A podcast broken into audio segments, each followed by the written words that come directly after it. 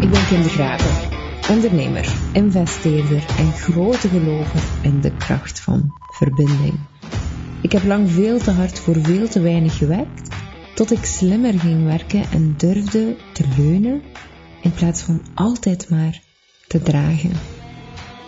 Vandaag ben ik financieel vrij en ik hoop anderen te inspireren om te groeien naar een onbegrensd leven op basis van tijd, energie en geld, zodat je de ruimte creëert voor wat er echt belangrijk is voor u. Ik weet het, het is een serieuze podcasttitel. Ik weet het, ik weet het. Maar eerst en vooral um, kan ik me voorstellen dat je misschien wel een veroordeling hebt nu over mij op dit moment. Of dat je misschien de kinderbescherming wilt bellen. Maar ik wil u eerst en vooral geruststellen. Er is niets wat ik niet voor mijn kinderen zou willen doen. Oké? en ik wil ook meteen heel duidelijk maken in deze podcast waarom dat je zelf voorop mocht zetten en dat dat ten goede komt voor uw omgeving. En zeker, zeker, zeker en vast voor uw kinderen. Want wat vind je zelf? En um, ik wil dat je daar even over nadenkt en dat je ook effectief de tijd neemt om het in je hoofd, of let op, wat je ook maar wilt, um, daar toch wel uh, op antwoord. Zeg het gewoon in één woord uh, wat dat je oordeel erover is. Dus wat vind je zelf van de stelling, ik blijf bij mijn man of vrouw, ondanks dat er geen liefde meer is en dat ik eigenlijk van tijd tot tijd of regelmatig ongelukkig ben, maar eigenlijk ook niet mag klagen voor de kinderen. Dus ik blijf bij mijn man of vrouw voor de kinderen, ondanks uh, de ongelukkigheid. Wat vind je daarvan? Misschien zit je zelf in, de, in deze situatie, hè, dat je bepaalde keuzes niet maakt binnen een relatie voor de kinderen. Of omgekeerd, hebben ze zoiets van, ja, weggaan, hè? Uh, uh, ga je leven gaan leven. Um, maar wat vind je van de stelling? Nu even omdraaien. Als het zou gaan over uw dochter of uw zoon. Hè? Uw dochter of uw zoon zit in een ongelukkig huwelijk en wilt er eigenlijk uit. Het wordt van tijd tot tijd ook echt te veel, maar hij of zij blijft voor de kinderen. Ze zijn nu drie, dus nog maar 15 jaar te gaan en dan zijn ze 18 en mogen ze het huis uit. 15 jaar. Dit, dit, is niet van de pot gerukt, hè. Dit gebeurt elke dag nog, hè. Dus het is niet dat hij of zij verder te klagen heeft, uw zoon of uw dochter. Het is gewoon een onvervuld leven en oké, ja. Ja. Ja. Wat zou je dan willen zeggen tegen uw kind? Zou je zeggen, ja, dikke pech, waar dat je aan begint moet afmaken? Of zou je zeggen, het is echt heel, heel jammer dat het zo gaat, maar ik wil eigenlijk dat je echt gelukkig bent. Dus misschien moet je toch eens overwegen om andere keuzes te maken. En dat is altijd het moeilijkste wanneer dat er geen overspel is of gekke dingen, maar gewoon onvervuld zijn, hè? want dan heb je niks te klagen. Dus probeert in dat soort relaties te denken. Nu nog eentje. Wat vind je van de stelling? Ik verzorg mijzelf niet of nauwelijks. Ik voel mij ook helemaal niet aantrekkelijk, niet vrij, niet krachtig, niet fit. Ik heb geen tijd voor mijzelf, want alle tijd gaat naar mijn gezin.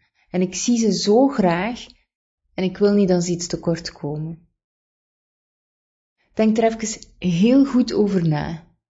En misschien herkent je jezelf erin, misschien ook niet, maakt ook niet zoveel uit.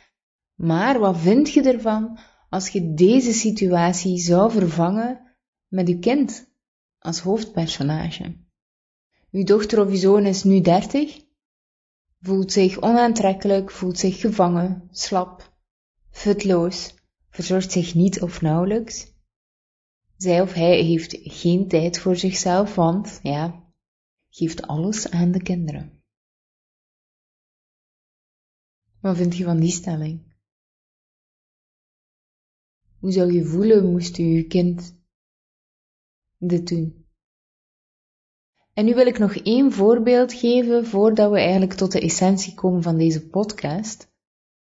Je koopt nooit iets voor jezelf, althans zelden. Je droomt al jaren, jaren van dat ene ding.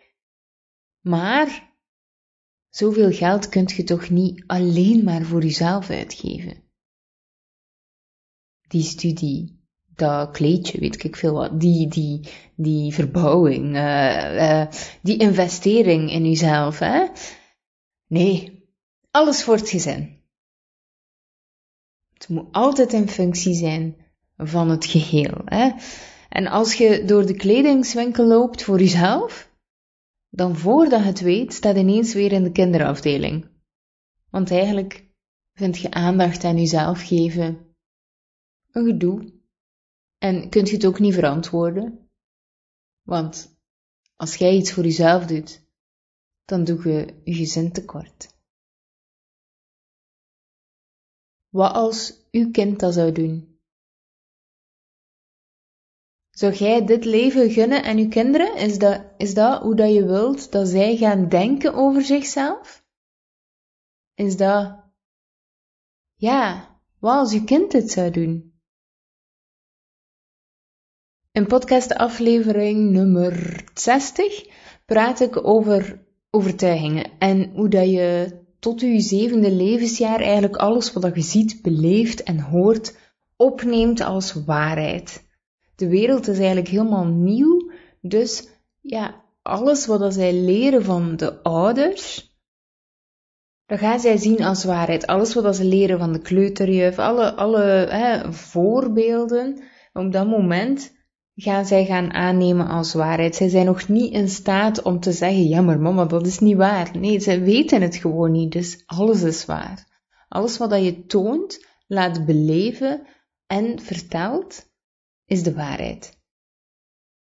Zijde de vader, dan leert je je kind hoe dat een man of vader zou moeten zijn. Zijt de moeder, dan leert je je kind hoe dat een vrouw of moeder zou moeten zijn. En als jij op dit moment een van de levens die ik vertelde leidt, dan gaat je kind vaak, bijna altijd, systemisch je gedrag gaan kopiëren in het latere leven. Want dat is wat jij hem of haar geleerd hebt om te doen. En ik weet, het is een tikje scherp, maar um, ik hoop dat je, dat voelt uh, dat er heel veel liefde rondhangt. Hè? Um, iedereen, uh, ik ga het er subiet nog over hebben. Maar je ziet het misschien nu al gebeuren bij je kinderen. En misschien vind je het nu al heel confronterend soms. Misschien vind je het vervelend. En wilt je hem of haar iets anders leren, maar is het moeilijker dan gedacht. En merkt je van, oh nee, mijn, mijn kind lijkt veel meer op mij dan dat ik zou willen. En ik zei het al, overtuigingen komen door drie factoren. Zien, horen en beleven. En jij mocht zoveel zeggen tegen je kind dat alles prima is. Maar als jij iets anders toont, heel subtiel zelf, en je toont het sowieso, dan gaat ze toch hetgene geloven wat dat je oprecht laat zien.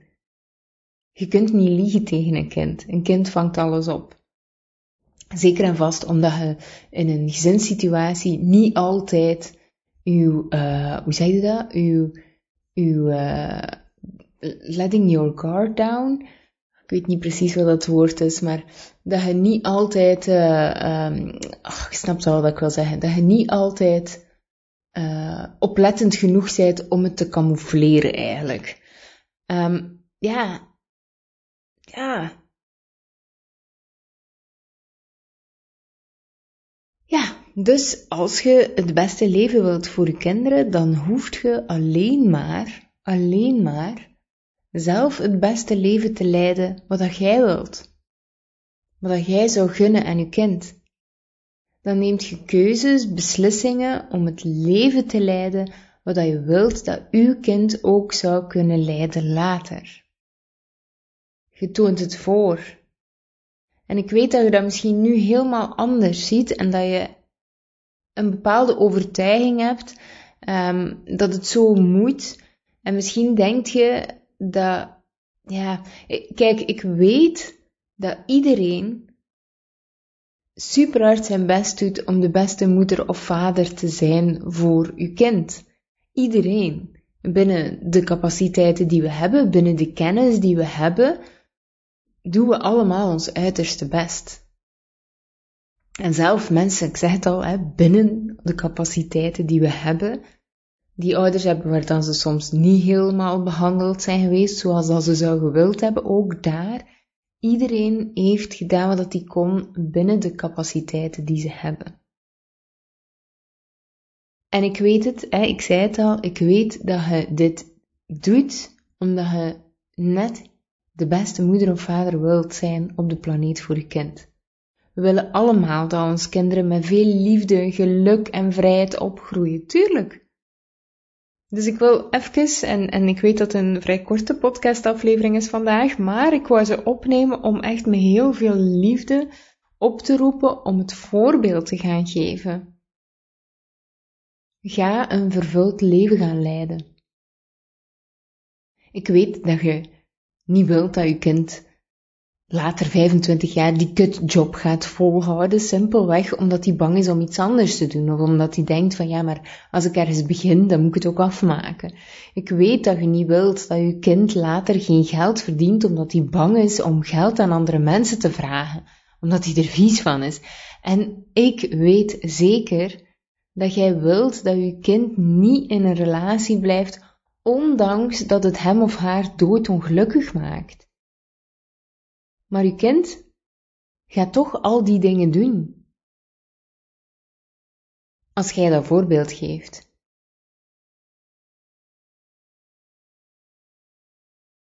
Als je het wilt omdraaien, dan toont je dat het leven is aan de dapperen.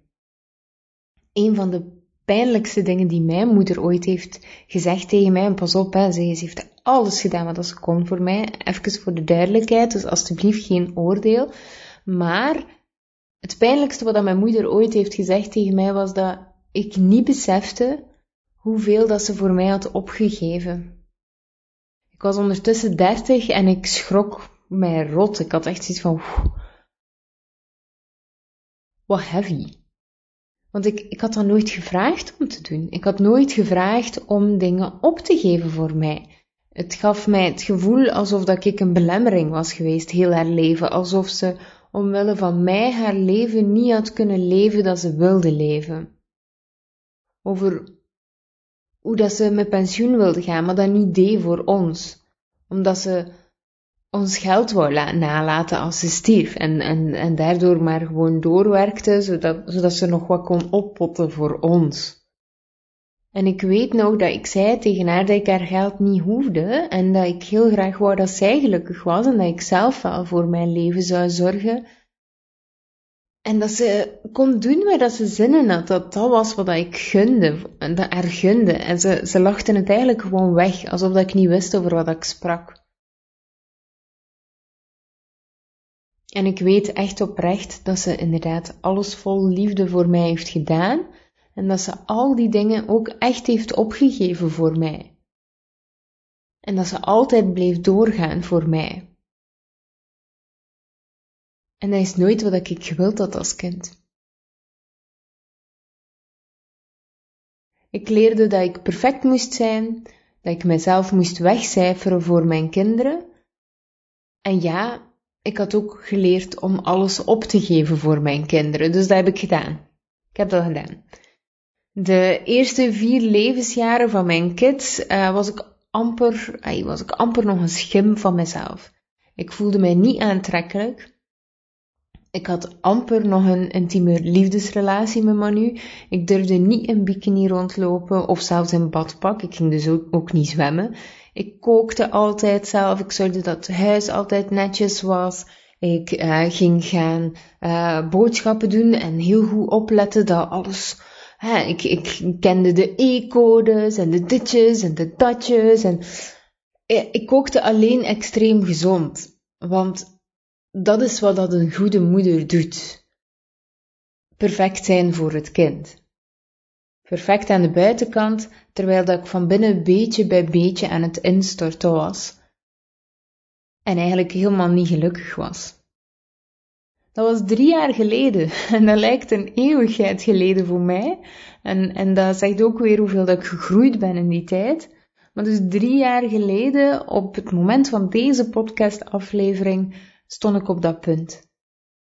Tot als ik uh, Glennon Doyle leerde kennen en ik heb zelf na de podcastaflevering nog uh, een, een tattoo laten zetten, simpelweg omdat ik altijd wou uh, beseffen um, dat wat ik daar aan toen was helemaal niet was wat ik mijn eigen kinderen wou gunnen. Dus ik heb echt een reminder op mijn arm, elke keer opnieuw, een shita, dat ik, um, ja, dat ik aan mezelf moet denken. Dat ik mezelf boven mijn kinderen mag zetten.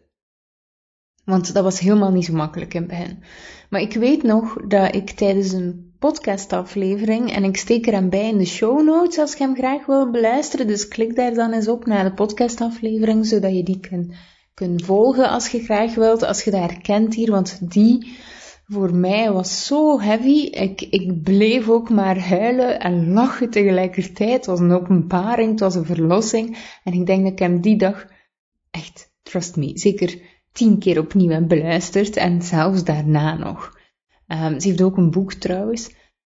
En, en, en ja, we hebben geleerd we hebben geleerd om, om onze krachten te temmen, om um, om minder te zijn dan dat we zijn, om onszelf klein te maken voor de ander. En we geven dat door aan ons kinderen van generatie tot generatie zonder erbij stil te staan. Dat vooral, we denken dat dit is wat, wat goed is voor onze kinderen. Alleen maar omdat we het beste, echt oprecht het beste voor hebben met onze kinderen, dus niemand heeft hier ook schuld aan, want het is gewoon van generatie op generatie doorgegeven. Hoe kunt je beter weten? Dat is wat je geleerd hebt. Ja, dus je kunt ook je ouders daar niet kwalijk voor nemen. Zij wisten het ook niet. Zij deden ook alleen maar wat het beste was dat ze dachten. Um, en besef dat heel goed, want ik hoor heel veel mensen altijd zeggen, het is door mijn moeder dit, het is door mijn vader dit. Weet dat ze, godverdikke, het beste met je voor hebben gehad. Hebben ze altijd goede dingen gedaan? Nee, absoluut niet. En soms hele erge dingen. En dat ga ik zeker en vast niet ontkennen. Maar weet dat dat wel ergens vandaan komt. Ook bij hen. En dat is dan weer hun verhaal. Alles wegcijferen. Dat het oké is om ongelukkig te zijn. Om alles weg te geven van jezelf tot als er niks meer overblijft zolang dat de ander maar gelukkig is. Dus als je nu zoiets hebt van, wow, maar dit wil ik echt niet voor mijn kinderen, ik wil echt dat ze hun mooiste leven gaan leiden, start dan vandaag met je eigen mooiste leven te gaan leiden. Ga het voorbeeld gaan geven. Je kunt geen mooier cadeau geven aan je kinderen dan hen vrijheid te geven om gelukkig te zijn. Voelde dat? Je bent niet egoïstisch als je jezelf eerst zet. Je bent net ongelooflijk krachtig. En ik hoop dat deze podcast vandaag zo hard binnenkomt, zo hard aankomt. ik hoop dat je geen dubbelzinnigheden hoort in mijn podcast. Ik heb echt mijn best gedaan om, om, om hem goed voor te bereiden in de hoop dat het niet gebeurt, want soms gebeurt het helaas. Um, dat mensen toch iets dubbel horen of, of wat ik te vertellen heb helemaal omdraaien en er zit geen gekke twist in. Dat is het allemaal niet. Op geen enkele manier bedoel ik dat je je kinderen mocht verwaarlozen, dat het oké is om je kinderen iets te misdoen. Op geen enkele manier vind ik dat je niet de aandacht moet geven die ze verdienen, dat je hen niet de aandacht niet, pas op dat ik hier niet verkeerd ben, maar je snapt wat ik wil zeggen. Geef ze de aandacht die ze verdienen. Ik geloof dat je ook ik geloof alleen daarnaast ook dat je alle aandacht mocht geven aan jezelf, die zij ook verdienen. Gun jezelf die tijd, zodat zij dat ook later doen. Gun jezelf dat geld, zodat zij dat ook later gaan doen. Gun jezelf die ware liefde, zodat zij dat ook gaan doen. Gun jezelf om te genezen van depressies, burn-out, zodat zij dat later ook gaan doen of er misschien zelf nooit in komen. Gun jezelf het feit dat je rust mocht nemen en dat je niet altijd hard hard moet werken, zodat zij dat later ook gaan doen. Gun jezelf de leukste werkomgeving, de leukste job, het droomleven waarvan dat je droomt, zodat zij dat later ook gaan doen. Durf dappere keuzes maken, zodat zij dat later ook gaan doen. Dat was mijn podcast voor vandaag. Kort maar krachtig. Um, fijne dag nog en doe alstublieft, alstublieft iets leuks voor jezelf. Of dat je nu kinderen hebt of niet, hè? de podcast gaat dan misschien wel deels over kinderen, maar ook als, dat, als je geen nageslacht hebt, alsjeblieft, ga iets leuks doen voor jezelf. In de komende maand gaan we het hebben over bewust leven in het membership Adapt. En hoe bewustere keuzes dat jij maakt, hoe mooier dat je leven wordt.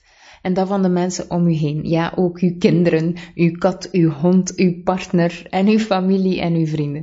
De deuren gaan open over enkele dagen. Je kunt u dus nu op dit moment niet inschrijven, maar je kunt wel al kijken op kimdegraven.be slash adapt.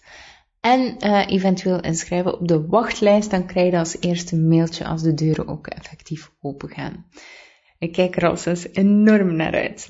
Oké, okay, um, ja, fijne dag en doe iets leuks voor jezelf.